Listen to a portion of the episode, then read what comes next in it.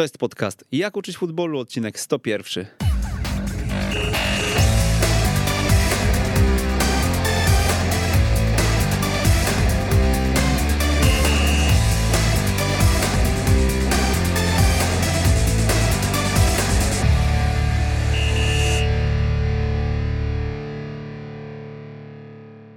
Jak uczyć futbolu, odcinek 101. Przy mikrofonie Przemysław Mamczak. Dzień dobry.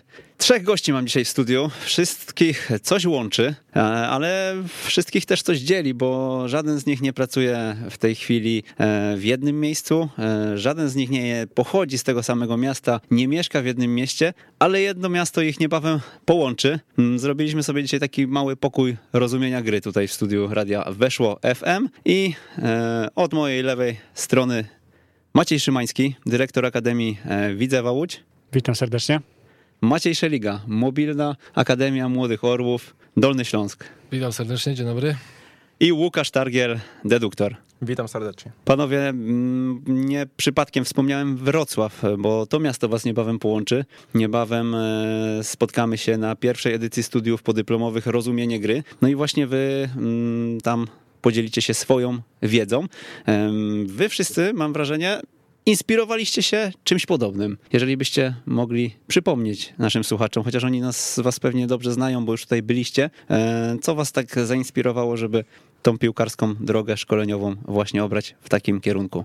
Tu z Maćkiem wymieniliśmy e, spojrzenia, więc e, ja pozwolę sobie zacząć. Zresztą tam się poznaliśmy w Hiszpanii na kursie wtedy Soccer Services, dzisiaj bardziej e, znane jako metoda Econo. Także ta inspiracja szkoleniowa płynęła głównie stamtąd, a później wielokrotnie mieliśmy okazję czy to spotykać się na szkoleniach organizowanych w Hiszpanii, czy później wspólnie współorganizować też tutaj szkolenia dla trenerów, e, też obozy dla, dla zawodników, więc nie tylko poznawać e, ten sposób pracy w wydaniu teoretycznym, ale również praktycznym. Łukasz też z tego co pamiętam był na obozie Soccer Service z pierwszym, który, który organizowaliśmy, więc e, tam w ogóle uważam, że zebrała się wspaniała grupa trenerów, którzy obserwowali te zajęcia, te dyskusje trwały do, do późnych godzin e, nocnych, więc e, ten czas, ten tydzień wtedy w Jarocinie pozwolił na to, żeby tymi spostrzeżeniami się wymienić, ale też myślę, że ukształtować swoje spojrzenie na piłkę, które tak jak powiedziałeś, w pewnych aspektach jest, jest podobne, chociaż później wiadomo, że zdobywamy zdobywając kolejne doświadczenia, jakieś różnice e, możemy dostrzec w swojej pracy, czy też nawet e, funkcje, jakie, jakie pełnimy, tak, to one też powodują, że w pewnych obszarach inaczej będziemy podchodzić do, do, do procesu szkolenia. Coś dodajemy tutaj z mojej prawej strony? Ja myślę, że Maciek tutaj powiedział e, wszystko na ten temat, co nas łączy. Ja ze swojej strony dodam tylko, że 10 lat temu właśnie to, że napotkałem ten sposób pracy, spotkanie z tymi terrorami, ja, ja jakby zainspirowałem się tym, że spotkaliśmy się razem z Maćkiem wtedy w Hiszpanii, to był 2013 rok. I ja spotkałem się jeszcze wcześniej mm, w takim projekcie, z, y, który był pod patronatem Darka Dziekanowskiego. Akademia Orlika bodajże to była nazwa i wtedy był mój pierwszy kontakt z tymi terrorami i pamiętam do dzisiaj ten czas, kiedy moje pojęcie piłki zmieniło się o 180 stopni i to, że spotkaliśmy się wtedy tam w Hiszpanii, to było napędzane tylko tym właśnie, co, co wydarzyło się trzy lata wcześniej, także z mojej strony to bardzo duży wpływ na to, jak ja dzisiaj yy, myślę i, i, patrzę na, na futbol. No, my również zaczynaliśmy od trenerów zagranicznych, ale kierunek był e, bardziej holenderski. E, wiązało się to z tym, że do Tychów przyjechał na dwa tygodnie na jeden z obozów zimowych trener Renko Ten Hopen, e, to jest edukator Holenderskiego Związku Piłki Nożnej i jakby to, co on pokazał w przeciągu tego tygodnia, jak był w stanie wpłynąć na zespół planowo, bo każdy jego trening był wiadomo zaplanowany, ale to jak chciał wpłynąć na nich i pod kątem techniczno-taktycznym, ale również jak ich mentalnie chciał zmienić, e, to pokazało po prostu najbardziej, e, jak oni się różnią, jak w ogóle ta piłka na zachodzie wtedy różniła się bardzo od nas i, i my wybraliśmy bardziej ten kierunek. Zaczęliśmy jeździć do Holandii co roku praktycznie na, na staże, wyjazdy a druga, druga, druga strona jakby deduktora, czyli Tomek i Łukasz, byli tutaj z Maćkiem i z Maćkiem w Hiszpanii, więc y, w naszym przypadku grupy deduktor to jest połączenie jakby tych dwóch wizji, kierunku holenderskiego i, i bardzo dużego akcentu hiszpańskiego. No dobra, słuchajcie, szmat czasu minął tak naprawdę od y, tych waszych pierwszych inspiracji, nazwijmy to. No i jakby obserwujecie teraz to, co się dzieje w Polsce, to myślicie, że mm, dobrze się dzieje? Przez te 10 czy 7 lat y, zmieniło się faktycznie sporo, bo wam to y, świat wywróciło e, do góry nogami kilka lat już temu i wy sobie pracujecie, każdy w swoim środowisku. Natomiast, no jak ja sobie tak myślę, no to, to, to dzisiaj temat rozumienia gry jest ciągle świeży, nowy, nie wiem, no to jest e, coś, e, gdzie się mówi o jakichś trendach e, zagranicznych, które dopiero do nas przychodzą. My jako deduktor rozpoczęliśmy jakby taki cykl szkoleń, czy w ogóle pracy nad rozumieniem gry już 3-4 lata temu wyszliśmy z tym jakby do opinii publicznej można powiedzieć, czyli zorganizowaliśmy pierwsze szkolenie po jakimś okresie trzech lat pracy E, samodzielnie w pokojach i po prostu drążąc temat klatka po klatce, jak to jeden e, z trenerów ostatnio powiedział. I niedaleko, bo właśnie w poniedziałek miałem okazję pojechać na szkolenie rozumienie gry organizowane przez PZPN. To było pierwsze szkolenie rozumienie gry organizowane przez PZPN, na którym miałem przyjemność być. I jakby ten kierunek, to, że e, jakby związek oddolnie gdzieś tam przez wojewódzkie E, związki zaczyna w tym kierunku iść. I nawet padają tam tego, tego, tego typu słowa, że że wszyscy trenerzy edukatorzy zmieniają się, e, będą troszeczkę inaczej patrzeć już ta, ten aspekt motoryczny, ten jeden z tych filarów piłki nożnej zostaje troszeczkę na bok e, odsunięty i dużo większy nacisk zostanie kładziony również na kursach dla trenerów, na właśnie aspekt rozumienia gry, gdzie są powiązane wszystkie elementy, gdzie jest przeciwnik, przestrzeń, no to to jest bardzo, bardzo fajne i mam nadzieję, że to będzie rozszerzać się nie tylko na Śląski Związek i na te wszystkie podokręgi na Śląskim Związku, ale również na inne województwa. No właśnie, to o czym mówisz, to hmm, wiąże się ze Śląskim Związkiem Piłki Nożnej bardzo mocno, bo e, ja jestem po trzech dniach ostatniego zjazdu w ramach kursu UEFA właśnie w Chorzowie i tam e, trener Paweł Grycman i trener Janusz Kowalski, czyli e, Gwarek i Górnik Zabrze obecnie pokazali e, w jaką stronę e, trenerzy edukatorzy chcieliby to pociągnąć. Wiemy, że też tutaj mocne wsparcie mają w osobie krajowego koordynatora kształcenia PZPN-u, czyli Adama Łopatko, który tutaj też jakiś czas temu był. No i ja usłyszałem, że szykuje się rewolucja, że właśnie to rozumienie gry zacznie troszkę bardziej funkcjonować w naszym kraju. Miejmy nadzieję, że za tymi słowami pójdą czyny. Jakby my na Śląsku, z tego powodu, że też i pochodzę z Tychów, chłopaki pochodzą z Jaszczębia, E, dość dużo tych trenerów znamy. Mieliśmy przyjemność brać udział czy to e, w spotkaniach trenerów, na których też również był co miesiąc praktycznie Maciek, e, więc jakby ten aspekt i rozmowę na temat rozumienia gry gdzieś tam w kuluarach wśród młodszych trenerów Damian Galeja czy Paweł Grysman, to już się toczyło powiedzmy od dwóch, może nawet trzech lat, ale teraz to wychodzi jakby szeroko już na kursach, właśnie tak jak ty mówisz, na kursie UEFA, więc miejmy nadzieję, że to pójdzie dalej w, w tą stronę. Ja, mhm. ja, tylko dodam, że żeby tutaj być e, konsekwentnym w tych, w tych działaniach, bo mówimy o jakiejś nadchodzącej rewolucji. Ja mam wrażenie, że tych rewolucji to już było kilka. Każda rewolucja wiadomo, że pożera swoje, swoje dzieci i jakby tutaj myślę, że powinniśmy patrzeć holistycznie na, na piłkę nożną i, i to jest takie zagrożenie, które ja w Polsce na przestrzeni lat dostrzegam. To znaczy, że my skupiamy się na jakimś tylko fragmencie całości, całego systemu szkolenia i mówimy, teraz będzie rozumienie gry, teraz będą akcenty motoryczne, teraz będzie percepcja, e, teraz będzie gra 1, 3, 5, 2. To jest tylko jakiś wycinek e, całego procesu szkolenia i najważniejsze jest to, żeby, e, żebyśmy wiedzieli, co my chcemy poprzez ten proces szkolenia osiągnąć, czy ten proces szkolenia jest spójny, i przecież tak naprawdę rozumienie gry jest czymś, co, co zawsze występowało, tak? Zawsze zawodnicy w jakiś sposób rozumieli grę. Teraz jest kwestia tego, jak my chcemy rozumieć tę grę. Co to znaczy dla nas e, rozumienie gry, e, jak to się zmienia właśnie w tych kontekstach, to co Łukasz też wspomniał,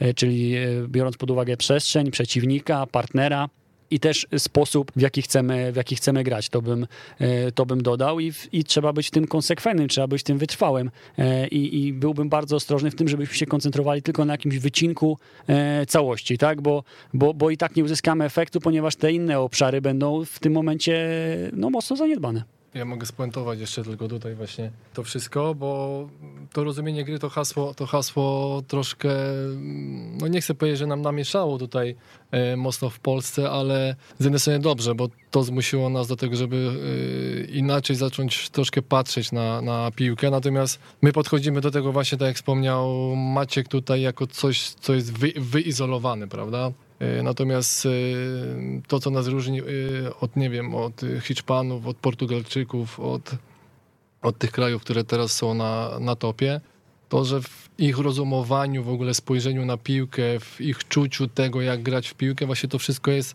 spójne, czyli technika, taktyka, motoryka, tak dalej. I tutaj jeszcze również zgadzam się z Maćkiem z tym, że my trenerzy musimy patrzeć całościowo, a to jak rozumie grę każdy z nas to jest zupełnie inna kwestia. Ważny aspekt, jakby dopowiadając może troszeczkę, bo dostałem konkretne wytyczne od chłopaków, e, że nie chcemy zbawić świata my jako deduktor, to, to nawiązując do dzisiejszej rozmowy z Dawidem i Stonkiem, to, to co chłopaki tu powiedzieli, Maciek i, i Maciek, jest bardzo ważne, bo pod słowem gra kryją się teoretycznie wszystkie rzeczy związane z piłką nożną. My tutaj nie chcemy w ogóle wyjmować taktyki, techniki czy jakiegokolwiek innego elementu. To jest gra po prostu i my mamy ją zrozumieć. I to jest może też jakby taka informacja, jeżeli ktoś nas słyszy w PZPN-ie, ktoś z tych osób, które już wymieniliśmy i wiemy, że idą bardzo do przodu.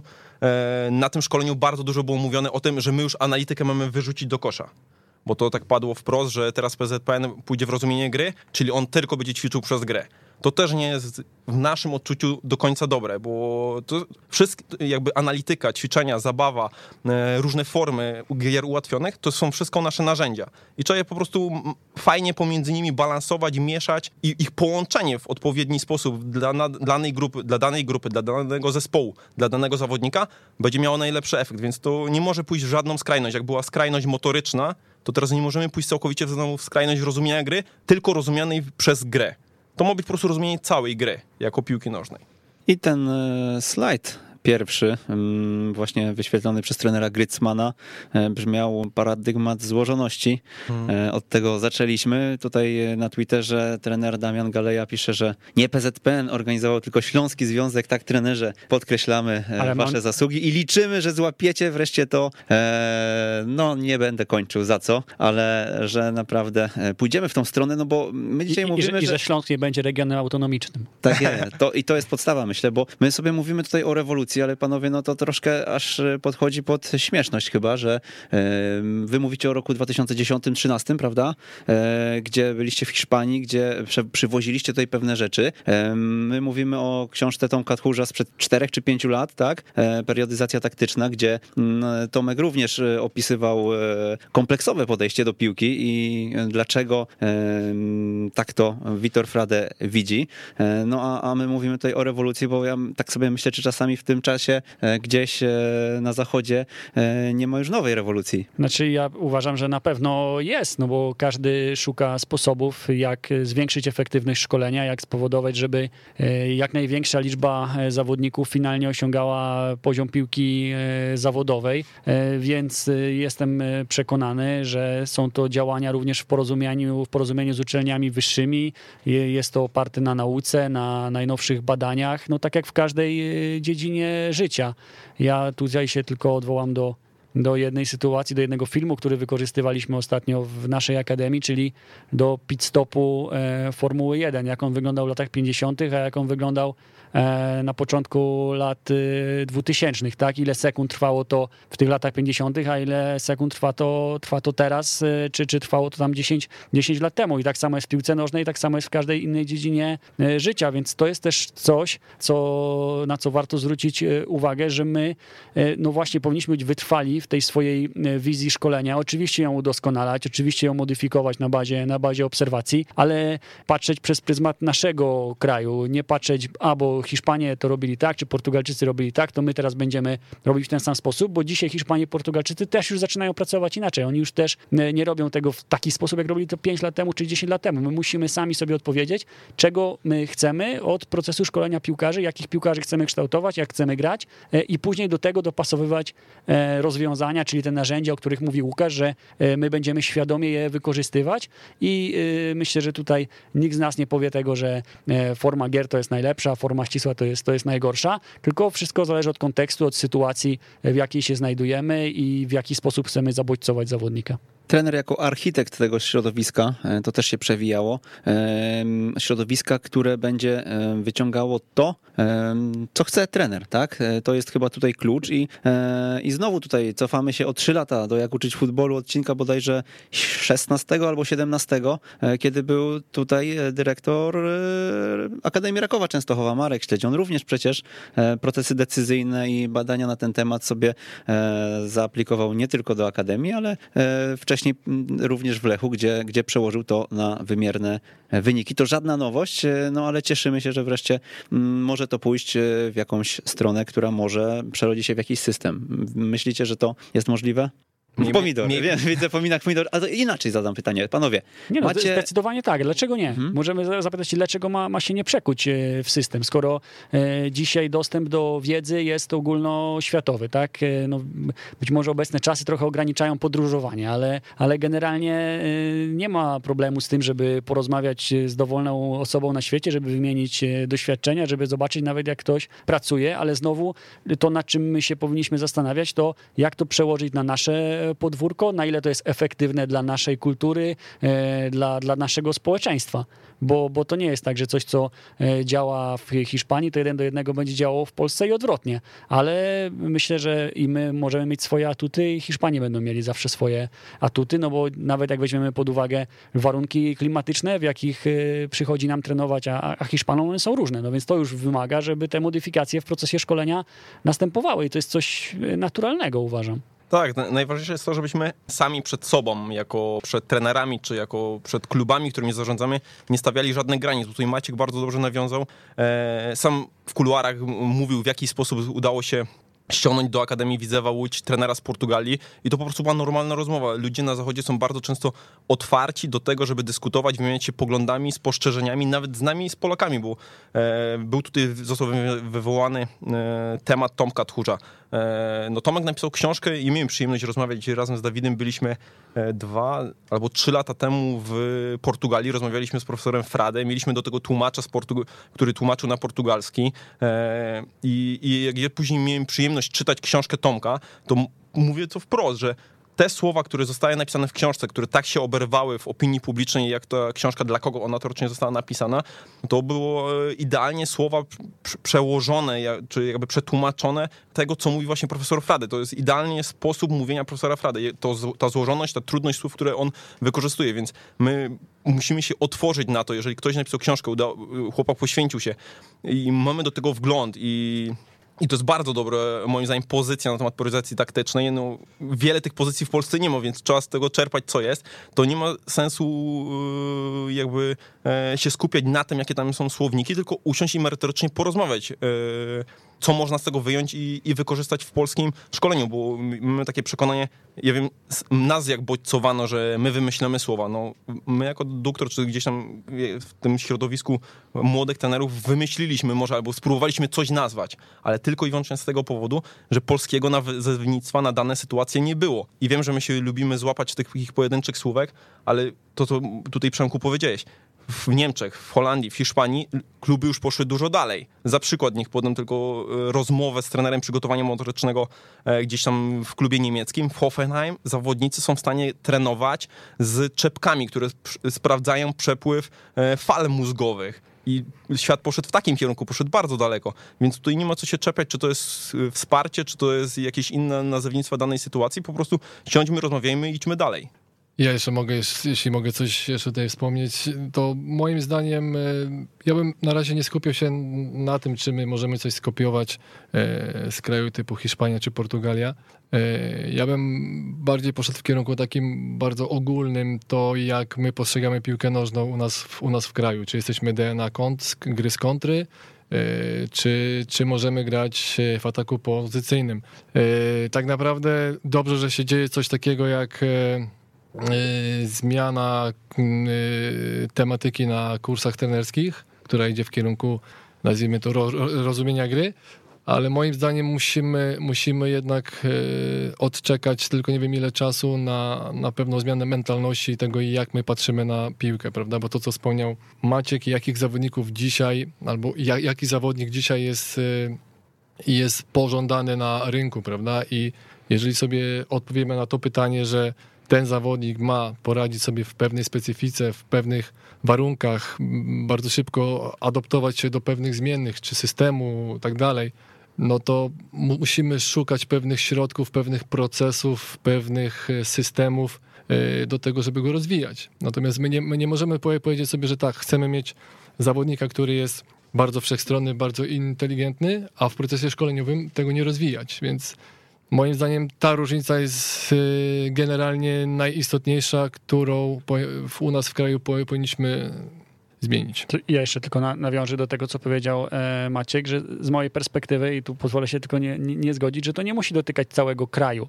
To, to musi dotykać konkretnych ośrodków szkoleniowych, tak? To znaczy w, w Hiszpanii też są kluby, które grają bardziej e, defensywnie i są takie, które grają bardziej ofensywnie, które bardziej utrzymują piłkę i w ten sposób chcą dominować w grze i mamy nawet na przykład na poziomie seniorskim tak Atletico Madryt, które chce dominować w inny sposób e, w meczu. M, Więc chodzi bardziej o pewne ośrodki szkoleniowe, które będą miały swoją wizję, swoje, swoje spojrzenie na szkolenie piłkarzy i to będzie również powodowało nam pewną różnorodność, że z danego klubu będą właśnie wychodzić bardziej zawodnicy na pozycjach 8, 10, z innych klubów na pozycjach 7, 11, a z innych y, bardziej środkowi obrońcy, bo proces szkolenia będzie powodował, że oni najbardziej będą mogli zyskiwać. I, i, tak to wygląda w tamtych e, krajach. Jest to, jest to w pewien sposób e, naturalne. Natomiast to, co charakteryzuje każdy z tych ośrodków, to jest ta wytrwałość. Tak? To jest to, że my tą obraną drogą rzeczywiście idziemy e, i wiemy, dlaczego nią idziemy co chcemy dzięki niej uzyskać.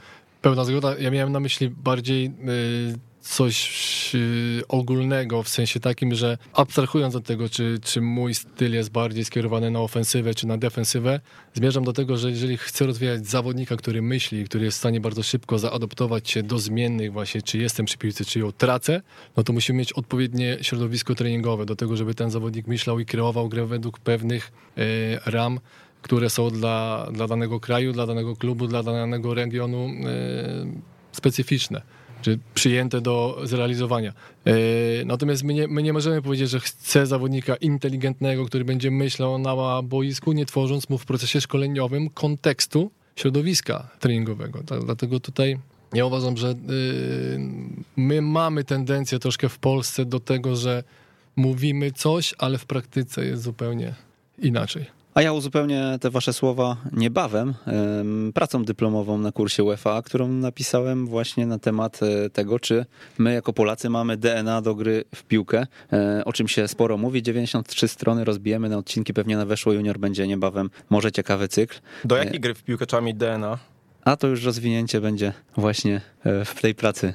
93 strony, jak, e, Na 90 stronie. to Na robię. 90. Jak- To będzie podsumowanie. jak przeczytamy, to będziemy dyskutować później jeszcze na ten temat, ale tam porozmawiałem sobie i z genetykiem, i z biologiem, i e, z socjologiem, więc mm, no, dużo ciekawych przemyśleń, chociaż jednoznacznie odpowiedzi i tak nigdy nie ma, spoilerując. E, Panowie, bo mam tutaj fajne pytanie sprzed e, bodajże dwóch tygodni mm, jednego z naszych słuchaczy, Login Szwari na Twitterze. Dawid Szwarga pytał, e, co byście zrobili? E, To nie było pytanie do was, ale użyję go dzisiaj. Co byście zrobili, gdybyście dostali worek pieniędzy i mogli zmienić jakieś, e, no totalnie wszystko w polskim szkoleniu, bylibyście osobami decyzyjnymi i nie mielibyście związanych rąk e, zupełnie. Tutaj tak bardzo poważnie e, każdego z was scenariusz i potem sobie przejdziemy już do mm, tego rozumienia, o którym tak mówimy, bo na razie trochę enigmatycznie nam to idzie, nie? To Łukasz nam powie, bo rozmawiał dzisiaj z Dawidem, to on zna odpowiedź na to pytanie. Dawid mi nie mówił, że takie pytanie Dawid, padnie. Dawid szuka odpowiedzi, mi się wydaje, bo e, pytał bodajże Adama Łopatko o to, z tego co kojarzę. Od czego zacząć? No panowie, dawaj Łukasz. Okej, to proszę. Nie no, dla mnie pierwsza rzecz, e, którą warto byłoby zmienić, e, to na pewno taka jedna rzecz, która by zmieniła maksymalnie wszystko, to wprowadzić e, jakiś system, w ramach których edukatorzy mogliby brać udział w hospitacji. E, w psychologii się to nazywają e, jakby, chyba się to nazywa superwizja, czyli że jeden trener jest u drugiego trenera i sam wiem jaki jakie mi to dawało, jakie mi to dawało możliwości, kiedy e, w naszej grupie jakby czy Dawid, czy Tomek, czy, czy Łukasz e, czy wcześniej Mateusz byli w stanie przyjść do mnie na trening w wolnym czasie albo pomiędzy treningami. Mieliśmy jakiś arkusz, oni wiedzieli nad czym pracuję i po prostu na żywo, na żywym organizmie e, rozmawialiśmy na ten temat. E, Wszyscy wiemy w jakim dzisiaj tempie funkcjonujemy. Bardzo często nawet, nawet te mikrogrupy, które są już rewelacyjnym kierunkiem związkowym na, na kursach, jednak tam są cztery osoby, prowadzi się trening przez 15 minut, często na nie swojej grupie, więc to jest mega nienaturalne środowisko, ale gdyby był jakiś układ, my nawet chcieliśmy wdrożyć coś takiego prospołecznie, żeby stworzyć e, stowarzyszenie, cokolwiek, co miałoby obligować ludzi biorących w tym udział do tego, żeby raz w miesiącu pojechali do wybranego przez siebie trenera z danej grupy.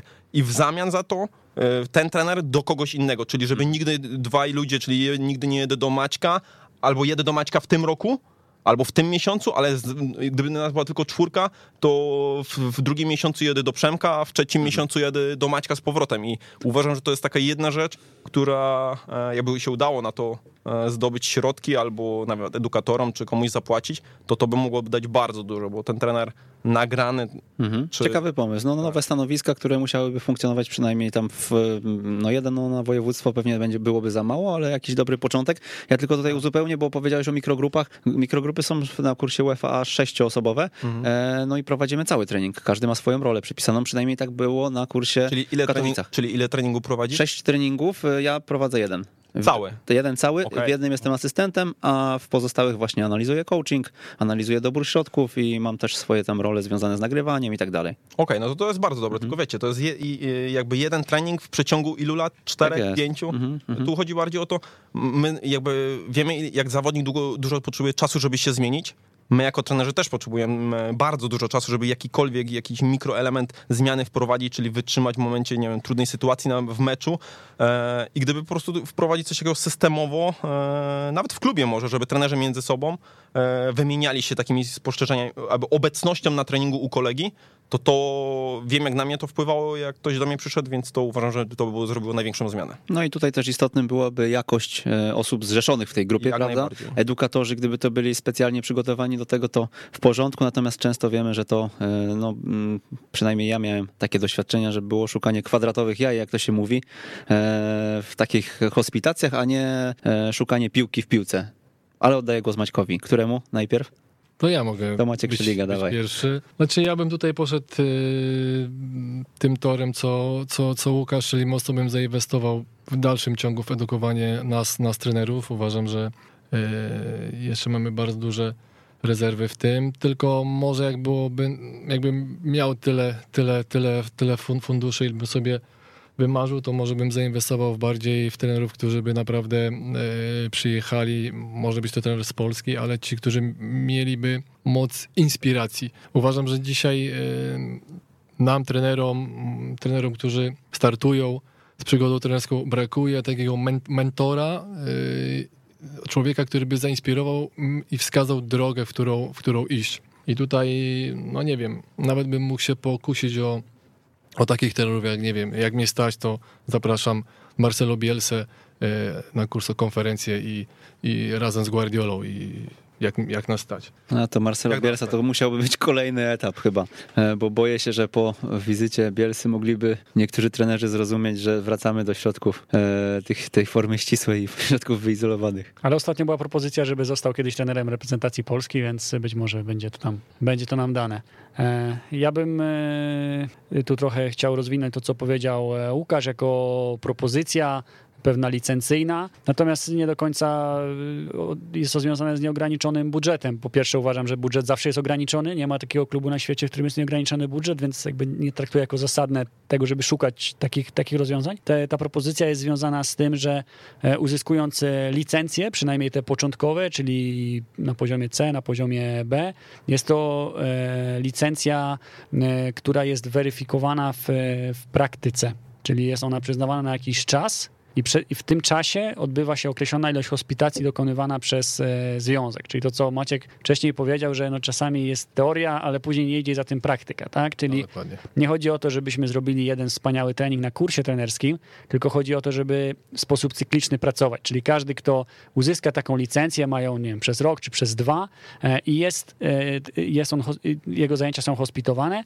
e, i e, związek po tym czasie potwierdza, że rzeczywiście ktoś i ukończył ten kurs i zdobył umiejętności i posiada wiedzę, bo, bo to jest tak jak proces szkolenia piłkarzy, tak samo proces szkolenia trenerów. To jest zdobywanie wiedzy, umiejętności i wykorzystywanie ich e, w praktyce. Jeżeli my będziemy tutaj sobie świetnie opowiadać, jak, jak prowadzić zajęcia, ale ich nie poprowadzimy później na, na boisku, no to na nic nam to opowiadanie. Więc e, wydaje mi się, że ten, ten proces edukacji e, trenerów plus wszelkie kursy specjalistyczne, które, które mogą, które powinny również istnieć, jak, jak czy e, trenerów analityków, czy trenerów przygotowania motorycznego, czy, czy w tym aspekcie medycznym, czy fizjo, czy lekarze, ale w kontekście piłki nożnej, co też się przecież odbywa, bo jest tak konferencja sztabów medycznych przecież e, organizowana przez, przez PZPN, ale, ale, ale żeby to jeszcze bardziej uszczegóławiać i żeby te konferencje e, względem siebie były właśnie spójne. Czyli to, jak widzimy proces rehabilitacji zawodnika, żeby on również, również spójny z tym, jak my chcemy trenować później z nim, kiedy on jest zdrowy. No bo my y, mówimy o całym jednym wielkim organizmie, dlatego ja tak zawsze unikam, że my się skupiamy tylko na rozumieniu gry, tylko na tym, tylko na tym, bo to jest cały system zależności, który, który wpływa na to, czy my osiągniemy ten efekt, jaki chcemy. Nawet nie, czy osiągniemy sukces, bo co to jest sukces? No musimy mieć kryteria i wtedy możemy stwierdzić, jeżeli zrealizowaliśmy kryteria, no to jest sukces. Jeżeli nie zrealizowaliśmy, no to sukcesu nie ma.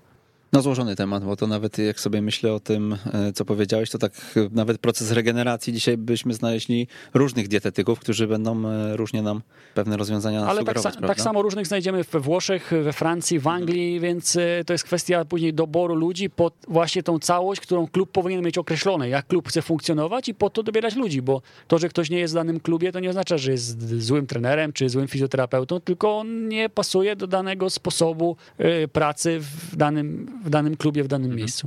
No dobra, to powiedzcie mi jeszcze, czy, czy mm, super pomysły, ale czy widzicie dzisiaj w Polsce, albo inaczej, ilu trenerów widzicie w Polsce, którzy byliby w stanie wcielić się w te role, które wymyśleliście przed chwilką? Bo fajnie to wszystko brzmi, ale ja sobie myślę, że ktoś jeszcze będzie musiał za chwilę jeździć e, i oceniać i żeby właśnie to nie było mm, ustawienia tej, tej przysłowiowej wody, tak, która mogła stać dwa metry prawo i być przesunięta trochę dalej od linii, e, a faktycznie szukania piłki w piłce. No, ale jak widać są, no bo jeżeli są podejmowane inicjatywy przez y, czy Śląski Związek Piłki Nożnej, tak, ostatnio jakaś kolejna inicjatywa Zachodnio-Pomorskiego Związku Piłki Nożnej, więc uważam, że, że to środowisko jest do tego. Kwestia oczywiście nastawienia, y, tego, żeby to rozwijać i żeby też y, no, być tak empatycznym, żeby akceptować troszeczkę odmienności, tak, żeby to nie było aż tak bardzo zero-jedynkowe, tylko żeby te pewne odmienności były, ale kierunek, który mamy obrany, jest jasno określony to j- jak chcemy prowadzić proces szkolenia. Fajnie, że podałeś ten przykład y, z wodą, ja, ja sobie pozwolę, no chociażby w aspekcie organizacji treningu. Organizacja treningu jest aspektem takim zero-jedynkowym. Możemy wypunktować sobie pewną listę rzeczy, które należy przygotować przed treningiem, tak żeby efektywność tego treningu wzrosła.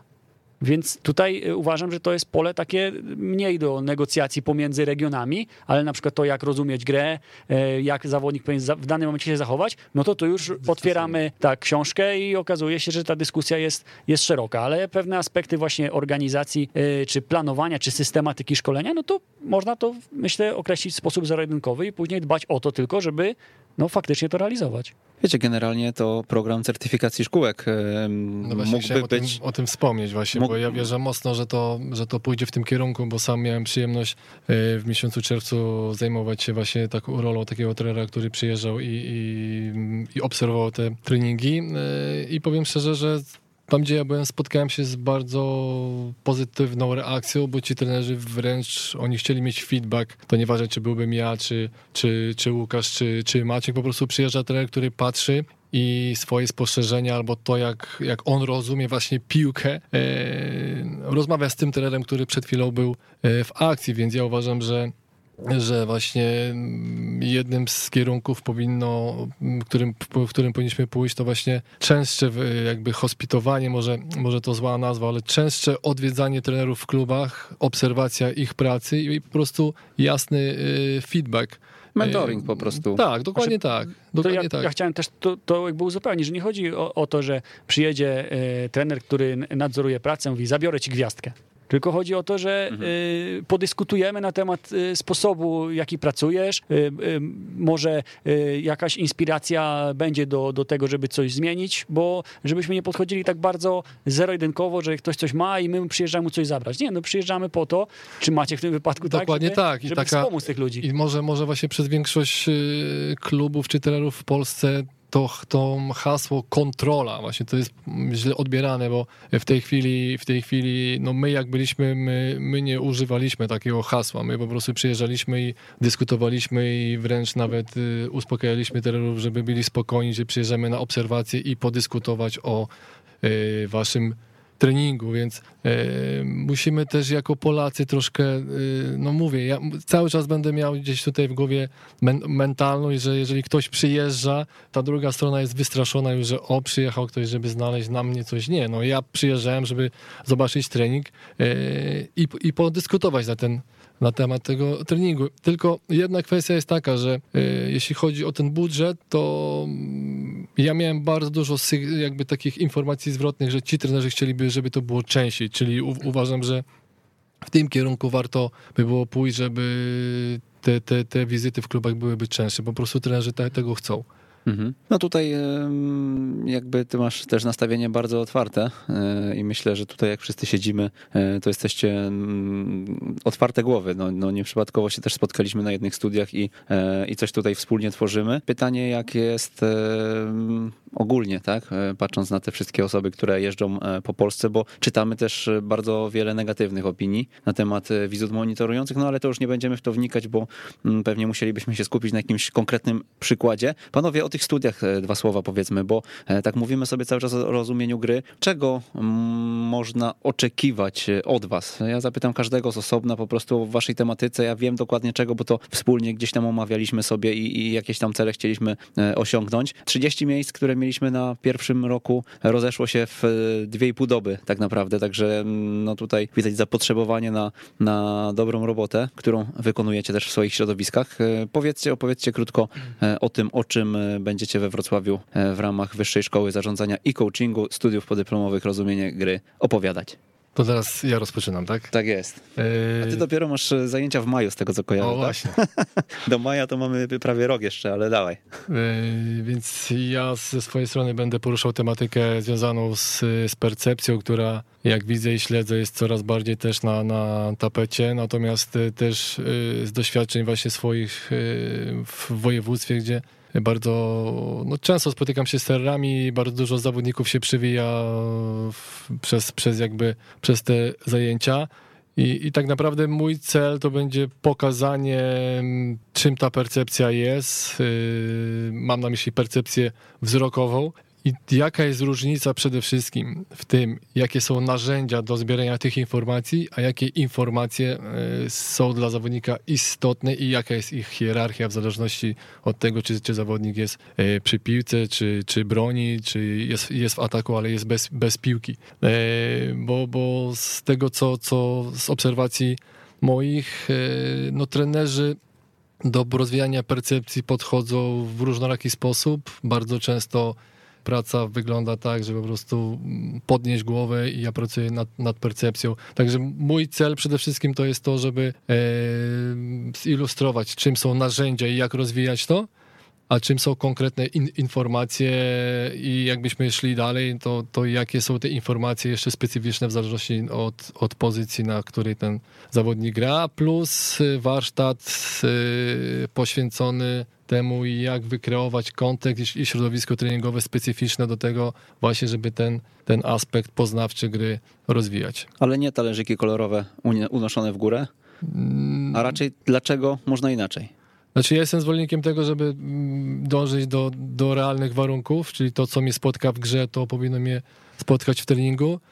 Dlatego mój cel będzie właśnie przedstawienie gier, które czy środków treningowych e, wyizolowanych też, ale w sposób taki, żeby to były realne albo bardzo zbliżone, albo e, dążenie do tego, żeby to, to miało przełożenie na mecz. Także no nie, ja nie jestem zwolennikiem tego, żeby taki, taki aspekt rozwijać za pomocą czy talerzyków, czy, czy, czy, czy innych takich rzeczy niezwiązanych do końca z piłką. Mhm. Okej. My jako deduktor e, bierzemy dwa zjazdy, Dwa czyli zjazdy, w sumie tak. cztery dni, e, więc tego materiału, materiału troszeczkę omówimy. Pierwszy dzień to jest również pierwszy zjazd w ogóle całych studiów, więc tam bardzo dużo uwagi poświęcimy tym wszystkim aspektom, na bazie których my budowaliśmy całą naszą gdzieś tam metodologię, system, czy, czy na czym my się wzorujemy, co bierzemy pod uwagę, planując trening, planując e, e, mikrocykl, czy planując jakiś tam dłuższy okres pracy, więc na pewno będzie dużo, e, dużo przyczyn tego, z czego dzisiaj wynika właśnie ciąg logiczny, temat przesuwania, który gdzieś tam przedstawiamy w, jako alternatywa do nauki gry jeden na jeden w ataku. I na tym pierwszym zjeździe e, ze szczegółów właśnie tego podejścia do gry skupimy się przede wszystkim na sytuacji zawodnika z piłką, e, zarówno z przeciwnikiem, jak i z najbliższym partnerem. I tu będą poruszone właśnie aspekty przesuwania przeciwnika, ochrony piłki, czy rozwiązywania właśnie takiej mikrotaktyki sytuacji 2 na 1 e, właśnie jest piłką partner i najbliższy przeciwnik. I to, to będzie pierwszy zjazd, a drugi zjazd dużo uwagi poświęcimy na działania e, grupowe, przede wszystkim pięciu zawodników najbliżej piłki, czyli zawodnik plus czterech zawodników e, w około. Próbujemy też przedstawić nasz punkt widzenia na ten temat, dlaczego to jest tak ważne, dlaczego ta gra pięciu na pięciu w naszym odczuciu jest takim mm, minimalnym aspektem, do którego schodzimy, mówiąc dalej o, o przygotowaniu do gry 11 na 11. E, Poruszymy wszystkie aspekty związane z ciągiem logicznym, czyli zachowaniem zawodnika bez piłki na wszystkich pozycjach, czyli środkowy obrońca, boczny obrońca, środkowy pomocnik, skrzydłowy i, i napastnik. E, No i, i zrobimy podsumowanie tych naszych dwóch zjazdów e, jakby już w ramach e, takich ćwiczeń czy, czy zajęć praktycznych. Kartkówka. Kartkówka na pewno. To będzie nie kartkówka, tylko wejściówka. No, myślę, że tutaj będzie, będzie też sporo tego, o czym wspomniałeś, mikrotaktyki, taktyki indywidualnej i e, dużo tutaj zachowań zawodników topowych pewnie będziemy obserwować. Tak, na pewno będą plusy, minusy tego wszystkiego, co się aktualnie dzieje. E, Zawsze budujemy to w taki sposób, żeby pokazać, e, jak to statystycznie dzisiaj wygląda na świecie e, w klubach na zachodzie, w teoretycznie tych najlepszych, na których można się wzorować, czy, czy gdzieś tam spoglądać, w jakim kierunku one idą, oraz również te często spotykane mankamenty i jakieś takie tipy, co można zrobić, żeby czasem jednym zdaniem zawodnikowi pomóc szybko zrobić relatywnie progres. Już po jednym treningu, co jest mega również ważne z naszego aspektu trenerskiego, bo jak zawodnik czuje, że my mu pomagamy i przede wszystkim te rzeczy, które trenujemy, mu pomagają, to on od razu łapie jeszcze większe flow i, i do, dla nas, jako dla trenerów, jakby my w jego oczach jesteśmy jeszcze większym autorytetem. Mhm, No i tutaj też jeszcze o tym, o czym wspomniałeś e, wcześniej, e, że mm, gdzieś wcześniej e, dyskutując na temat futbolu, szkolenia do późnych godzin nocnych, często te kuluarowe dyskusje też są bardzo wartościowe, no i też na, na to postawimy pewnie, jak już przyjedziecie do Wrocławia na dwa dni, to, to nie skończymy pewnie o 16, tylko posiedzimy, podyskutujemy o piłce e, jak najdłużej, żeby wykorzystać tutaj e, i jak najlepiej tę grę zrozumieć. Na pewno wszystkie osoby, które były u nas na szkoleniach takich dwu, trzydniowych w wakacje, to wiedzą, że rozmów kuluarowych nigdy nie brakuje. I Maciek Szymański nam został z- ze swoją tematyką. W grudniu będziesz, prawda? Potwierdzam.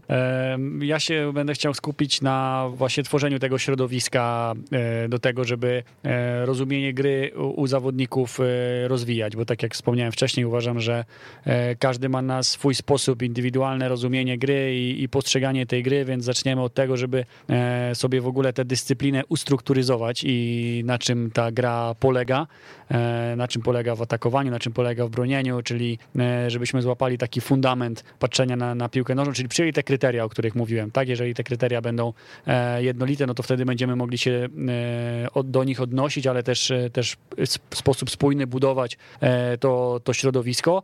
E, a więc e, pierwszego dnia zaczniemy od tworzenia gier e, czyli wykorzystaniu reguł organizacyjnych i, edukacyjnych, które mają stworzyć właśnie warunki zawodnikom do podejmowania decyzji. A więc jeżeli do podejmowania de- decyzji, to również e, doświadczania różnego rodzaju sytuacji w grze i budowania swojego znowu indywidualnego rozumienia gry, bo ja będę twierdził, że mając zawodników e, 20, to mamy 20 rodzajów rozumienia gry, bo każdy z nich inaczej interpretuje tę grę i teraz jest kwestia tego, w jaki sposób my te warunki stworzymy, e, na ile czytelne będzie dla dla, zawodników to w trakcie tych, tych gier, jakie działania oni mogą podjąć, albo jakie my wprowadzimy reguły w tych grach, które spowodują, że pewne działania będą działaniami intuicyjnymi, na przykład reakcja na stratę piłki, czy zachowanie y, mające na celu skupienie uwagi przeciwnika w danym sektorze, tak? To znaczy, na ile te, te nasze środki treningowe, które będziemy wykorzystywać, będą spójne i będą powodowały, że zawodnicy y, będą zapamiętywać po prostu te obrazy z treningu, tak? Natomiast następnego dnia już skupimy się na tym, żeby poza samym tworzeniem gier tworzyć tak zwane akcje, czyli w oparciu o działania grupowe oraz treści, elementy, wskazówki, które, które wykorzystuje w swojej e, pracy, pokazywać zawodnikom różnego rodzaju sytuacje, które z mojej perspektywy, czy z naszej perspektywy, mówiąc za osoby, które też w podobny sposób pracują, występują w powtarzalny sposób w piłce nożnej. I e, oczywiście każda sytuacja jest troszeczkę inna, ale nadal e, twierdzę, że możemy zebrać pewien katalog akcji w ataku i w obronie, których, e, które, które możemy zawodnikom pokazywać i których oni mogą się uczyć poprzez właśnie praktykę, po, po, po, poprzez praktykę, poprzez grę, bo, bo myślę, że tutaj też bardzo ważne w tym tworzeniu środowiska jest to, aby pamiętać, że to zawodnicy się uczą, a nie my ich nauczamy. My im tworzymy tylko warunki do tego, żeby oni się mogli żeby mogli te umiejętności zdobyć. I te twoje właśnie zagadnienia były mocno teraz omawiane w Chorzowie. No to masz bardzo duże doświadczenie w tym e, zakresie. E, no jak pójdziemy w tą stronę, pewnie będziesz e, zapraszany do różnych związków na, na, na prelekcje, natomiast myślę, że to jest dobry kierunek i, i fajnie, że też o tym sobie pogadamy. Ja się bardzo cieszę, że jestem częścią tego projektu, bo sam będę siedział pilnie w ławce i notował pewnie i od was, od was mam nadzieję jak najwięcej wyciągnę. Pytania się pojawiają pojawiają odnośnie kolejnych edycji studiów, bo mieliśmy no, zdecydowanie większą liczbę chętnych niż mogliśmy mm, zapisać. Raczej wszyscy z tego, co rozmawialiśmy, są otwarci. Na dzień dzisiejszy tak. Deklaracja publiczna to. E, no słuchajcie, jeżeli chcecie. Mm, Ale Maciek bardzo asekuracyjnie podszedł do tematu, powiedział, że na dzień dzisiejszy tak, więc e, zobaczymy. E, jeżeli macie ochotę być może dołączyć w przyszłości, bo nie, nie wykluczamy, żeby ruszyć już nie, nie, nie za rok, a w, pomiędzy semestrami, no to zapiszcie się na rozumieniegry.pl. Tam, tam prowadzimy listę i tam na pewno jako pierwsi dostaniecie takie info, jeżeli coś się nowego pojawi. Tutaj fajnie ze strony mm, rektora uczelni Łukasza Panfila mamy zielone światło na to, żeby, e, żeby zrobić dobrą robotę po prostu, a, a, a wiem, że z wami zrobimy dobrą robotę, więc, więc z jego wsparciem myślę, że możemy to trochę przyspieszyć, no ale e, zapytam was teraz e, trochę w drugą stronę, bo jest tak tutaj miło, rozmawiamy sobie o rozumieniu gry, a w czym wy się nie zgadzacie ze sobą, bo wiem, że no, znacie się dobrze, prawda? spotykacie się na różnych konferencjach, w, w różnych miejscach, jesteście często gdzieś tam może, na, może nie często, ale na telefonie.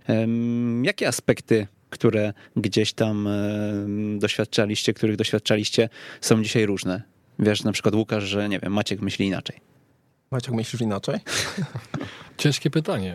Znaczy ja myślę tutaj, że, że musielibyśmy się na jakichś e, konkretnych sytuacjach, których doświadczyliśmy w życiu oprzeć i na pewno te różnice zdań e, są.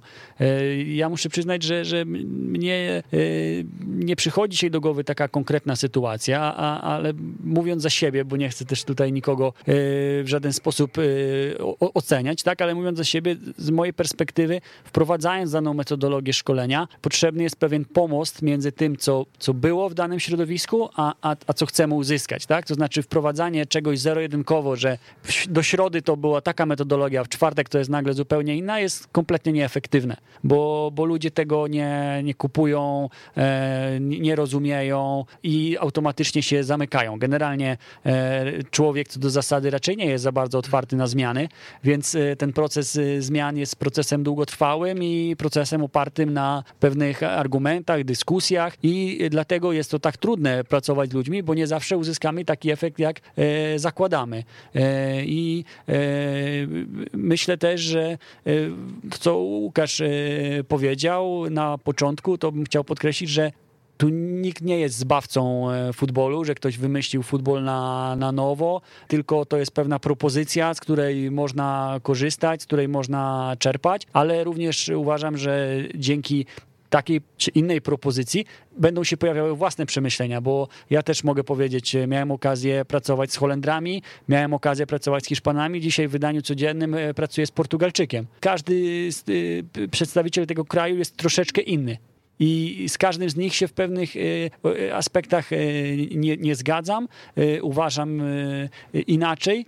Dla przykładu podając, bardzo się utożsamiam z regułami dla przeciwnego zespołu, żeby tworzyć warunki do, do uczenia się przez na przykład atakujących, czyli wtedy tworzymy reguły dla broniących.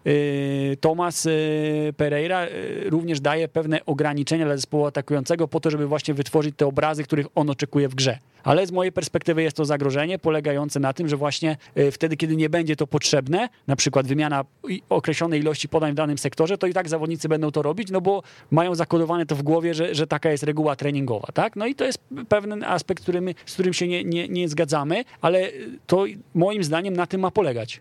Na tym ma polegać, że my w mhm. pewnych szczegółach się różnimy, że patrzymy na coś inaczej, bo to, to później będzie powodować, że my będziemy zastanawiać się, które narzędzie w danym momencie użyć. I zawsze będziemy trochę bliżsi, nie wiem, regułom dla zespołu przeciwnego, a inni będą bliżsi regułom dla zespołu, którego chcemy, którego chcemy nauczać. I jedno i drugie ma swoje szanse i zagrożenia, tak? Zagrożeniem dla reguł dla zespołu przeciwnego jest to, że e, być może nie zmodelujemy tak tego środowiska treningowego, nie zrobimy aż takich warunków, że to zachowanie, które chcemy, e, żeby wystąpiło, występowało tak często. Mhm. Żeby było tak eksponowane. Żeby tak było eksponowane, intensywnie, tak. prawda? No właśnie, a jak wy myślicie o tym, bo ja sobie o tym, co powiedziałeś na końcu od razu pomyślałem.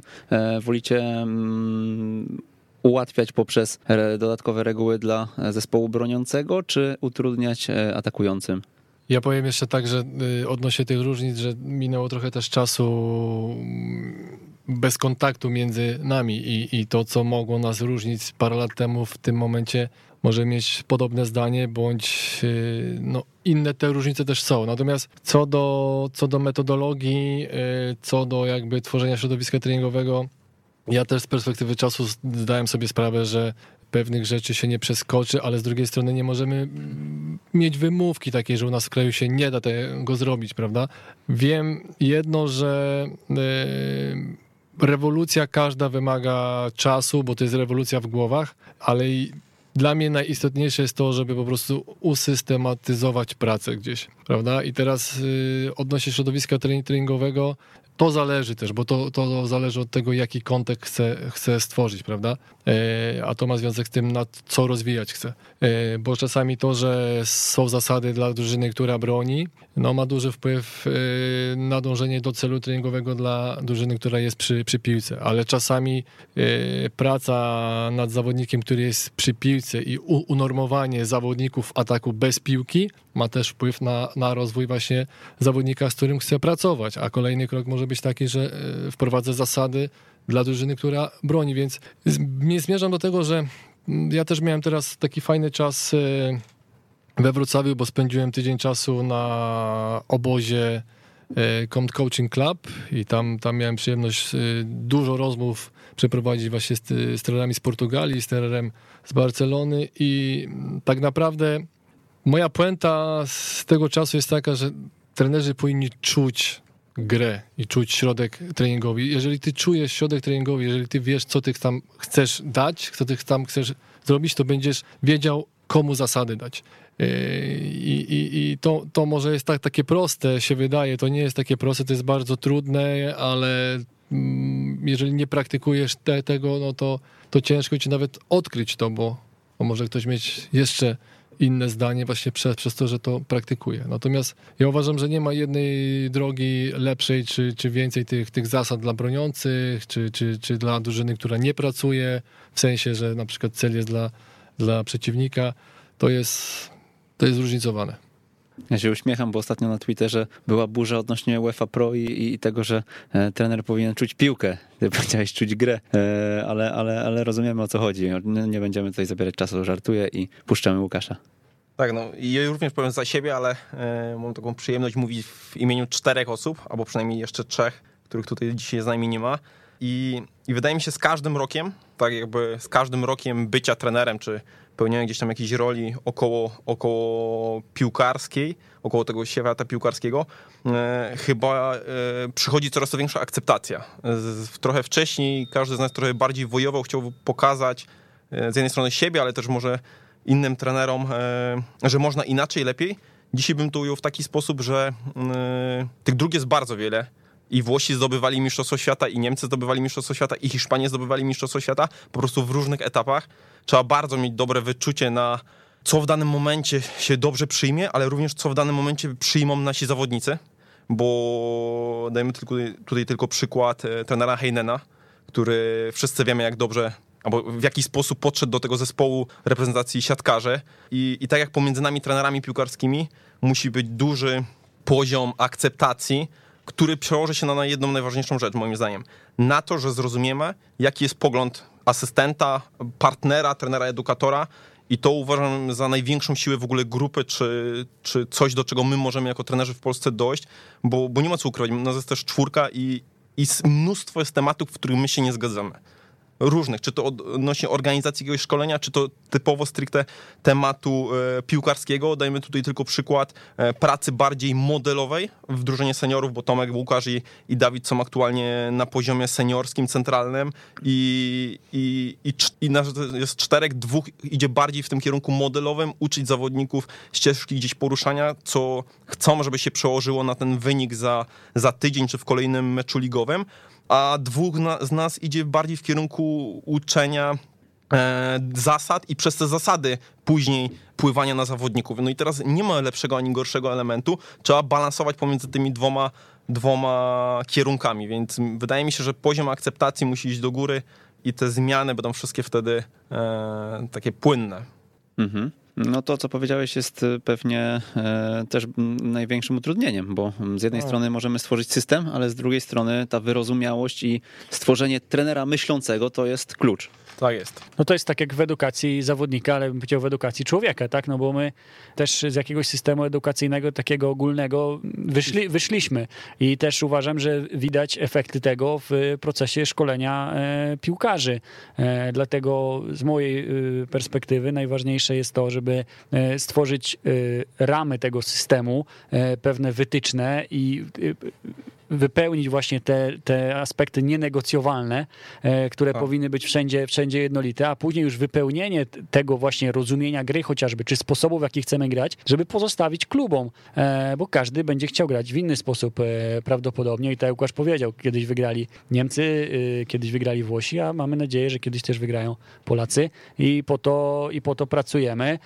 Natomiast tworzenie idealnego systemu, który w każdym aspekcie jest perfekcyjnie przygotowany w cudzysłowie e, jest niemożliwe, bo za chwilę będziemy musieli go modyfikować. Dlatego e, no, uważam, że powinny być e, wytyczne, które się po prostu realizują, czy tak jak jest certyfikacja, która też te wytyczne określa, czy dla klubów centralnych powinien być to podręcznik licencyjny, który określa, co należy mieć w ramach akademii, bo zdaniem związku to spowoduje, że zwiększy to efektywność szkolenia. I jeżeli ktoś chce grać w ekstraklasie, to musi mieć określoną e, infrastrukturę, musi mieć określonych trenerów, e, musi mieć e, określoną liczbę tych trenerów względem zawodników, specjalistów i tak dalej. No więc to wszystko jest do, do zrobienia w ogólnym wydaniu, a to podniesie jakość szkolenia, patrząc przez pryzmat pierwszych zespołów, bo my w Polsce możemy się tym posługiwać. No, myślę, że nie byłoby podgrzewanych e, muraw tak szybko, gdyby nie pojawiły się one wymogiem w podręczniku licencyjnym albo nie byłoby oświetlenia e, boisk. No i tak samo będzie z akademiami, jeżeli to się pojawi jako wymóg i ktoś e, chce być na najwyższym poziomie, no to, to, to wtedy będą to kluby robić, no bo to też jest właśnie nasza mentalność, że czasami musimy być do czegoś zmuszeni, żeby coś e, realizować. Dokładnie, to jest bardzo chyba dobre nawiązanie. E, pewne rzeczy w naszym kraju niestety muszą być narzucone, bo to jest przykład właśnie tych podgrzewanych boisk, czy w ogóle e, jakby rozbudowy i budowy nowych stadionów, czy renowacji tych stadionów, powiedzmy sobie tak, ale również... Ja sam... przepraszam, a dlaczego powstały stadiony, a nie ośrodki treningowe? Doku... Bo ośrodków nie ma w podręczniku licencyjnym, a tak. stadiony są gdzie często paradoksalnie, przykładowo mówiąc, e, jakby z tego środowiska tyskiego, który bardzo dobrze znam, stadion powstał za 130 milionów. E, gdyby tylko ktoś pomyślał, to przy budowie jednej murawy można było wpisać dwie, trzy kolejne i podejrzewam, że ten koszt postawienia trzech muraw nie byłby droższy o 2 miliony, więc w perspektywie całości stadionu to to jest niecały 1% kosztów, więc e, to jest naprawdę, to co Maciek który powiedział, pewne rzeczy trzeba wpisać. Kolejny przykład to jest aspekt młodzieżowca w ekstraklasie, który już widzimy, jak się się przełożył na, na tych młodych zawodników, nawet na samą szansę, żeby być w, w, tym, e, w szatni z seniorami. Ale trzeba iść dalej. Trzeba nie tylko jakby mieć aspekty stricte e, z góry narzucone. Tutaj e, bym chciał się odnieść tylko do jednej rzeczy, bo, bo słyszałem ją pierwszy raz od innego trenera niż ci trenerzy z takiego mojego najbliższego środowiska. Macie tutaj też zwrócił na coś takiego uwagę, jak 20 rozumień gry. E, my bardzo często na naszych szkoleniach dostajemy pytanie odnośnie konspektu, jak go zbudować, jak zaplanować trening i kiedyś pokusiłem się o coś takiego, że rzuciłem, że na moim treningu jest 20 e, tych konspektów. Nie jest jeden konspekt, to nie jest jeden plan, bo na treningu jest 20 zawodników, czy tam 18 zawodników i każdy z nich nawet pracuje nad tym samym tematem, czyli dajmy na to jakiś aspekt gry 1 na 1, może być na innym poziomie tej gry 1 na 1. Na inne elementy powinien mieć zwracane uwagę. Może na e, szybkość wyjścia po zwodzie, a, a inny zawodnik na ustawienie ciała w trakcie tego zwodu, więc my musimy być z jednej strony otwarci e, właśnie na, na zmianę, na, na to wszystko, e, co może popchnąć nas, naszych zawodników do przodu. Ale 20, 20 konspektów to niekomfortowa sytuacja dla trenera. I... To jest taka jakby metafora do tego, żeby patrzeć bardzo indywidualnie przez pryzmat tego, co realizujemy z danym zawodnikiem, bo to nie jest jeden temat. Dokładnie. Zmierzam do tego, że my trenerzy musimy się wytrącać z komfortu, e, żeby, żeby rozwijać się samemu, ale przez to też rozwijać zawodników. No ja na ten temat y, wspomniany przez Maćka jakiś czas temu pisałem felieton nawet z kilkoma e, pomysłami, jakby to można zrobić, chociaż ja tam e, zwróciłem uwagę na to, że warto byłoby e, dać dowolność, jeśli chodzi o program szkolenia i już o te aspekty merytoryczne, nie? A zamknąć właśnie sztywne ramy dla infrastruktury, pensji dla trenerów na przykład, tak? A, ale na, nawet, nawet ramy tego, że ten program szkolenia musi być i on zawiera pewne obszary. Kto jak wypełni sobie ten obszar jest jego sprawą, ale to musi być wypełnione. Mhm. E, dlatego y, uważam, że w tak dużym kraju jak e, Polska e, ten system powinien być bardzo ogólny. I on tak. nie powinien ulegać jakimś wielkim modyfikacjom, bo to są pewne ogólne wytyczne, które, które mają być realizowane i konkretyzowane poprzez kluby. I klub ma wykazać, jak, w jaki sposób konkretyzuje ten swój plan działania. Panowie, ale też nie ma co ukrywać, że my się czasem, może nie my, nie, nie, jakby nie w tej czwórce, czy gdzieś tam w naszym środowisku, ale bardzo e, lubimy złapać rzeczy proste, czyli przysłowiowa butelka, że nie jest w tej strefie technicznej. No, I za coś dany klub dostał gwiazdkę przykładowo brązową, srebrną czy złotą, więc jeżeli już ten klub to dostał na wiosnę, to bez sensu jest nastawiać te kluby, czy w ogóle nawet pisać, e, kontrolować pod tym kątem, że się im to zabierze. Niech te kontrole mają na, na, na celu właśnie bardziej rozwój, niech e, to będzie przyznane na dwa lata z góry, i każda wizyta, każdy w ogóle jakiś etap ewaluacji nie będzie nastawiony na to, że coś dokładamy, że w, da, w danym jakby klubie czy przy danej wizycie u danego tenera jest coś, nad czym on będzie pracował. Jest jeden element, jedna rzecz, którą jest, która jest wybrana i jest dana jako cel, bo nasz zawodnik też się nie rozwija z dnia na dzień, czy nie zmienia pewnych rzeczy z dnia na dzień, tylko to jest potrzebuje czasu. No i to, co Maciek powiedział, żeby zmienić podejście do tych hospitacji treningowych, tak? To znaczy, to nie jest kontrola, to nie jest, że teraz e, jedziemy, e, żeby udowodnić komuś, że źle prowadzi zajęcia. Nie, no, w moim wyobrażeniu przynajmniej, bo ja nie uczestniczę w tym, e, w tym programie, ale w moim wyobrażeniu powinno wyglądać tak właśnie jako podniesienie standardów pracy poprzez, no właśnie, zainspirowanie przez trenerów doświadczonych, wyedukowanych w, w centralnym miejscu, tak? Czyli w Polskim Związku Piłki Nożnej, żeby w tych mniej mniejszych miejscowościach te, ten poziom pracy był jak najwyższy i żeby był ten progres, tak? Czyli mamy jakiś punkt zero, który, który łapiemy na pierwszej hospitacji treningowej, no i później patrzymy, jak to się zmienia. Jeżeli to się nie zmienia, no to wtedy jest to podstawa do tego, żeby e, no, ktoś nie uczestniczył w tym, w tym programie, tak? Ale tak jak zawodnik musi mieć możliwość popełnienia błędu, tak trener musi mieć możliwość popełnienia błędu i też my, my powinniśmy mieć świadomość jako środowisko, że te błędy są naturalną częścią e, pracy, bo tak jak wspomniałem, praca z ludźmi jest czymś bardzo, bardzo skomplikowanym i nieprzewidywalnym. Tak, zgadzam się. Natomiast ja bym dał też trochę czasu temu projektowi, bo e, no każdy ma prawo do, do popełnienia błędów i ja uważam, że im częstszy i, i bardziej konkretny feedback właśnie ze strony klubów, które są pod certyfikacją, to ja myślę, że Polski Związek Piłki Nożnej wyciągnie z tego wnioski, bo, bo przynajmniej wierzę w to, bo, bo taka jest, tak, taki jest cel tego, żeby, żeby to szkolenie było coraz lepsze i ta praca klubów była coraz, coraz lepsza. Także ja myślę, że, że jeszcze dajmy chwilę Program. czasu temu projektowi. Sponsorem dzisiejszej audycji jest nie, no słuchajcie. Ja, ja, ja, ja, bym jeszcze ja... tylko dodał, ja bym tylko jeszcze mhm. tylko jedną, żeby zamknąć być może ten, e, ten wątek, ale e, te wszystkie rzeczy, które teraz poruszyliśmy, takie trochę licencyjne, trochę związane z pewnym systemowością szkolenia, one z mojej perspektywy doprowadzą do jednej rzeczy: rozdzielenia piłki amatorskiej od piłki profesjonalnej. I to jest coś, czego w Polsce dzisiaj kompletnie nie ma. E, szczególnie na, na, na poziomie tak do, do kategorii U13, tak? Czyli nie ma wyraźnej e, różnicy pomiędzy klubem profesjonalnym czyli Ekstraklasa, pierwsza, druga liga, a klubami e, mhm. niższych lig albo szkółkami piłkarskimi. Tak? To e, bardzo rzadko się zdarza, prawie chyba w ogóle nie zdarza w krajach już takich ustrukturyzowanych, żeby prywatny podmiot bez zespołu seniorów e, był na przykład na poziomie centralnych lig.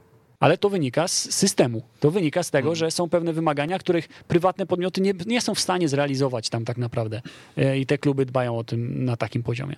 Wiecie, znacie też środowisko i tutaj możemy sobie żartować. Maciek oczywiście jest pracownikiem związku, natomiast e, no, też nie ukrywajmy, że środowisko jest e, idealne i e, jadąc tam na treningi, no, ci trenerzy monitorujący też nie mają prostej roboty, bo często spotykają po prostu fatalne środowisko do treningu i jestem skłonny w to uwierzyć, bo widziałem też wiele, wiele treningów gdzieś tam w terenie, więc, więc, więc, więc tutaj pewnie zarówno z jednej strony, jak i z drugiej można byłoby wiele jeszcze jeszcze poprawić. A powiedzcie, czy dzisiaj waszym zdaniem polscy piłkarze szkoleni dzisiaj na przykład, czy w ostatnich e, miesiącach, ostatnich latach e, lepiej rozumieją już grę niż jeszcze 10 lat temu? I nastała cisza. Pomidor.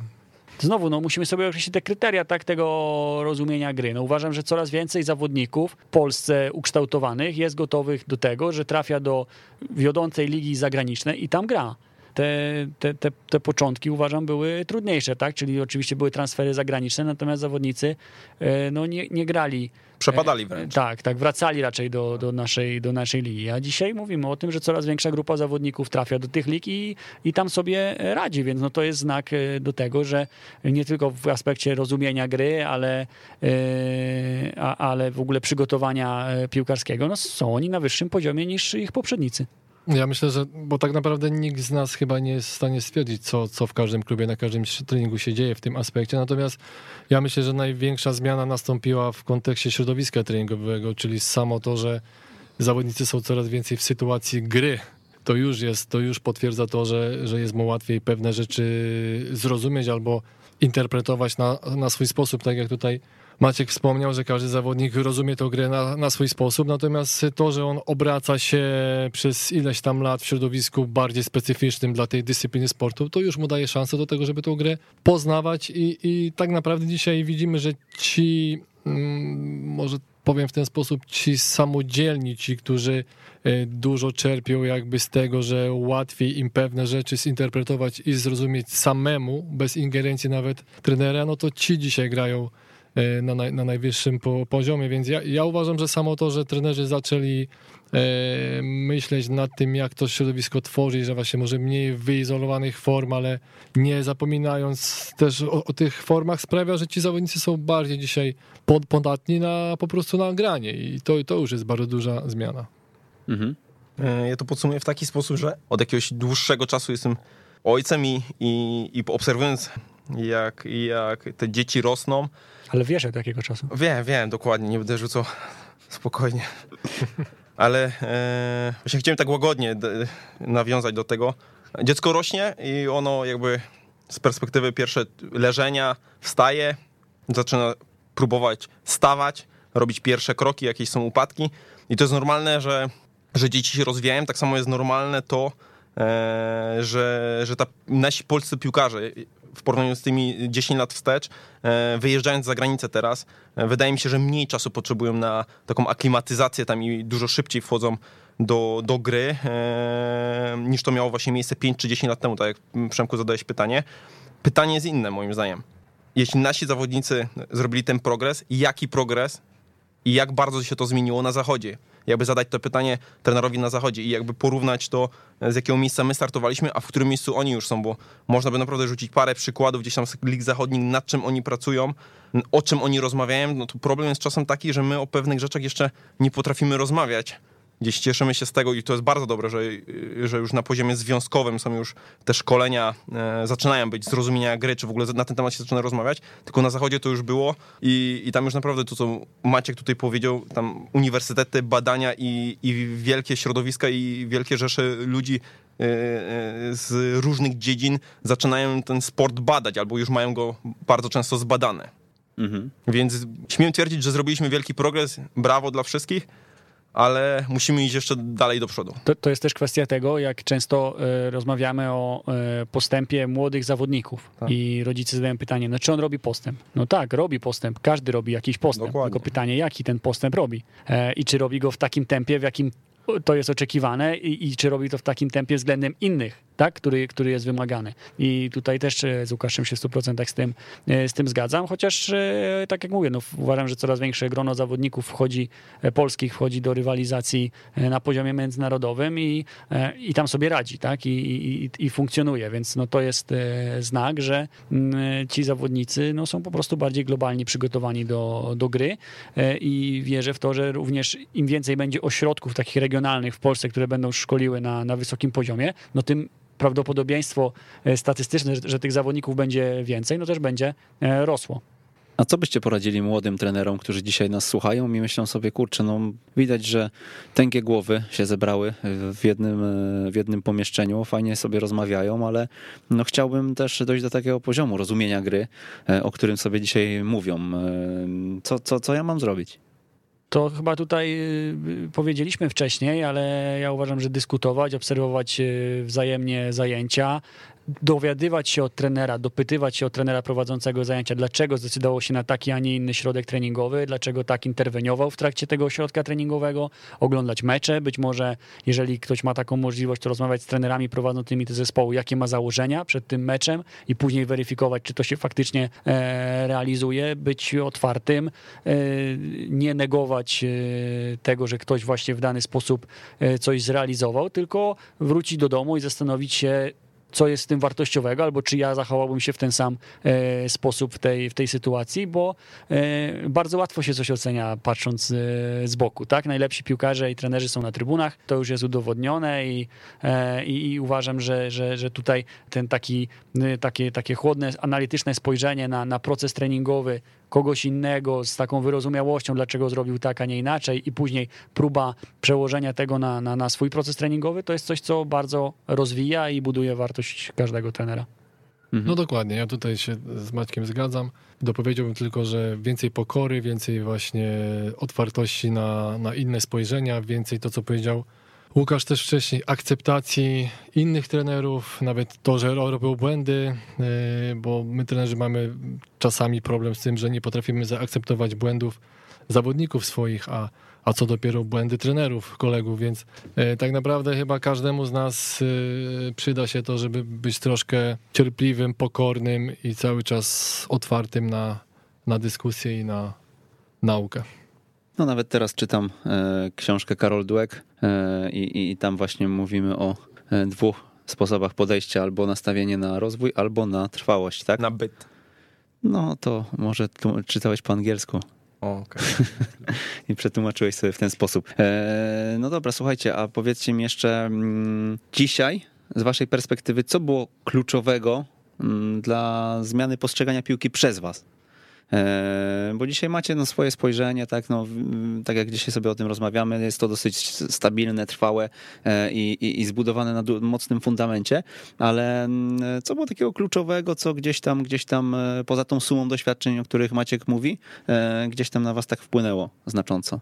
Ja ze swojej strony powiem, że dzisiaj to właśnie jest ta suma doświadczeń i różnych spojrzeń, ale takim najbardziej przełomowym momentem był wyjazd do Hiszpanii na staż do Realu Saragossa, gdzie miałem okazję spędzić blisko miesiąc i obserwować e, treningi wszystkich e, kategorii e, wiekowych, rozmawiać z trenerami, no i też szkolenia Soccer Services. To był taki moment, bym to nazwał przełomowym. Natomiast później już no, im wiemy więcej, tym mniej wiemy, tak? Czyli zaczynamy powątpiewać, zaczynamy sami zadawać sobie pytania, czy to tak powinno być, czy może inaczej, więc już, już dzisiaj to wiadomo, że jest gdzieś tam rozprzestrzenione na wiele, na wiele obszarów, ale, ale ten moment przełomowy był właśnie taki.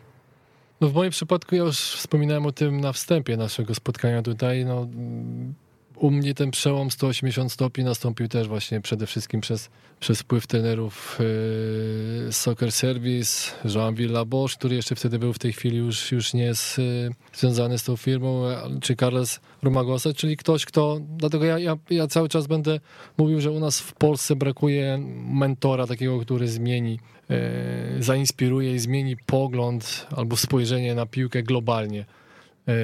No ja miałem przyjemność spotkać taką osobę, bo w tej chwili no, będzie ciężko nam spotkać Carlesa Romagosa w Polsce, wydaje mi się, bo jest tak zaoferowany róż, różnymi kontraktami w, różnych krajach, że no jeżeli on, on, pojawiał się w Polsce, to ja chciałem czerpać jak najwięcej, prawda?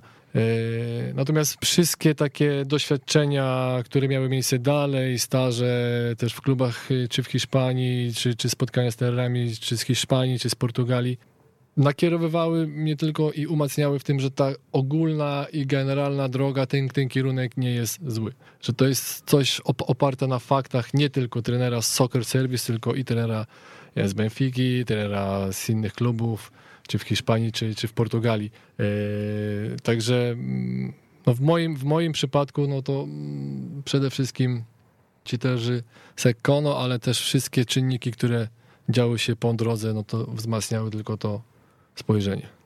To ja miałem dwie sytuacje takie chyba najmocniej, e, które na mnie wpłynęły i zarówno jako człowieka, e, no i w tej drugiej kolejności jako trenera. E, no to pierwsza sytuacja była związana z tym, że na pierwszym roku studiów miałem, jakby zerwałem wiązadła, co się wiązało z ryzykiem przerwania jakby studiowania, ale bardzo kumaty wtedy dziekan powiedział, żeby przeskoczyć na fizjoterapię no i, i kontynuowałem jakby dwa kierunki. I na tych dwóch kierunkach żyłem się takimi dwoma światami. Tym światem troszeczkę sportowym jeszcze wtedy, który był, e, jak teraz bym mógł powiedzieć, bardzo zamknięty, taki hermetyczny, gdzie jak się podchodziło do, trzeba było mówić pana profesora, doktora, e, na tym kierunku wychowania fizycznego, czy, czy tam na piłce nożnej, to, to nic nie można było tak naprawdę załatwić jeszcze. A, a obok mieliśmy fizjoterapię i mieliśmy tam na przykład takich dwóch e, bardzo młodych profesorów, z którymi rozmawialiśmy na ty czyli te, to już 14, prawie 15 lat temu z profesorem na uczelni wyższej rozmowa na te, który prowadzi wykłady w dwóch językach w dwóch krajach, no to było coś takiego, który, co było pierwszym takim dzwonem dla mnie, że ci ludzie funkcjonują, że są, albo są ludzie, którzy całkowicie inaczej funkcjonują, pomimo tego mają wielki poziom autorytetu i po prostu nikt nawet nie pomyśli, żeby gdzieś tam deprecjonować poziom tego człowieka, e, więc to była pierwsza rzecz, e, która się gdzieś tam przekuła bardzo na mnie.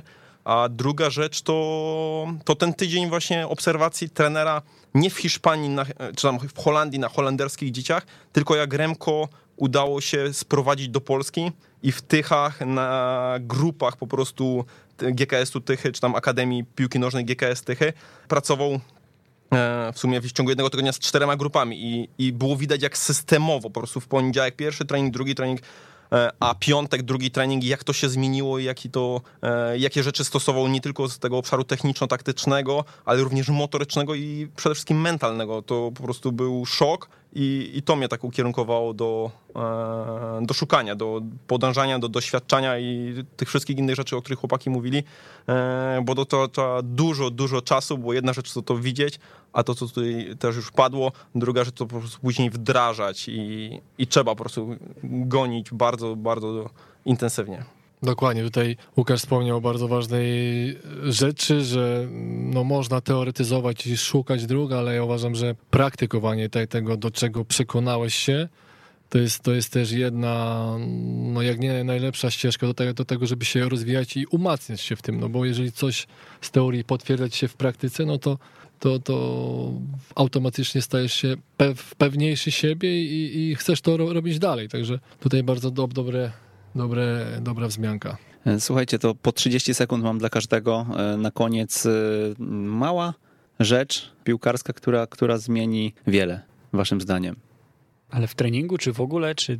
Może być w treningu, w szkoleniu. Coś, coś małego, co dużo zmienia, nie? O to, o, tutaj zasada Pareta trochę mogłaby no zostać. Może ja tak 30 sekund, które już leci, to wykorzystam. E, moim zdaniem e, mentalna zmiana, zarówno e, wśród nas trenerów, a przez to pośrednio oddziaływanie na mentalność zawodników. Uważam, że dzisiaj ci zawodnicy, którzy no, aspirują albo widzimy w nich potencjał techniczno-taktyczny czy motoryczny, to nie możemy zapomnieć, że, jest, że musi też i za tym mentalność i charakter, bo, bo uważam, że to jest największy też jakby Mm, cecha, która, która daje szansę zaistnieć w profesjonalnym sporcie. A to przekłada się też na, na nas trenerów. No jeżeli my tą mentalność i swój charakter też będziemy zmieniać, no to, to myślę, że to będzie duży, duży, duży krok do przodu też. Moim zdaniem, e, jeżeli mówię do młodego trenera, to młody trenerze musisz doświadczać e, i spróbować grać e, atakiem pozycyjnym, e, spróbować tego nauczyć, ale również spróbować e, grać atakiem szybkim, e, nauczyć tego, e, grać wysokim atakiem, e, grać wysokim pressingiem, starać się odbierać jakby piłkę wysoko, ale również nauczyć tego e, odbioru piłki nisko, czy bronienia e, własnej bramki. I tak by można to przekładać na wszystkie aspekty, po prostu jak najwięcej doświadczać, wejść w jak największą liczbę środowisk, okej, spróbować znaleźć tą swoją magiczną piątkę ludzi, z którymi mm, również pójdziesz, bo to, to jest ważne, żeby mieć nie na swoim na, albo na swoim właśnie poziomie dwóch, dwie, trzy osoby, z którymi e, będzie się jeździć na te staże i na różnego rodzaju wyjazdy i sprawdzać, e, kontrolować tą wiedzę, czy doświadczać tego, co próbujecie na treningach, ale, ale spróbować doświadczyć jak najwięcej. I takie, e, kiedyś mi to ktoś powiedział, i bardzo mi to utkwiło w głowie, e, być uczniem, uczniem właśnie świata doświadczeń, bo wtedy nas nic nie zaskoczy. A, a do, jak to mówią, dobry menadżer może być zniesmaczony może sytuacją, ale właśnie nigdy nie zaskoczony. To ja poruszę inny obszar organizacji treningu, tak żeby on był jak najbardziej efektywny. Wrzucę dosłownie jedną rzecz, żeby wywiesić podział na składy e, na ławce czy, czy na siatce, e, tak by nie trzeba było czytać za każdym razem kto z kim jest, tylko zawodnicy podchodzą, sprawdzają, zakładają i oszczędzamy czas. To tyle. Łukasz Targiel od drugiej strony, Dziękuję bardzo. e, Maciej Szeliga Dziękuję bardzo. i Maciej Szymański. Dziękuję. To byli goście 101 odcinka e, Jak uczyć futbolu. E, Bardzo się cieszę, że się niebawem znowu zobaczymy i, i że znowu e, będziemy mogli porozmawiać e, w takiej wersji trochę może bardziej rozszerzonej, w wersji premium bym powiedział, e, bo będziemy się widzieć przez kilkanaście godzin we Wrocławiu. E, Zainteresowanych studiami, o których dzisiaj też trochę czasu porozmawialiśmy, zapraszam na rozumieniegry.pl. Ja nazywam się Przemysław Mamczak i do usłyszenia za tydzień o tej samej porze. Jeżeli podobał Ci się ten odcinek, mamy do Ciebie prośbę: poinformuj jednego znajomego trenera o tym, że istnieje taki podcast jak Jak uczyć futbolu. To pozwoli nam dotrzeć do znacznie większego grona odbiorców niż obecnie, za co Ci z góry pięknie dziękujemy. Raz jeszcze, do usłyszenia.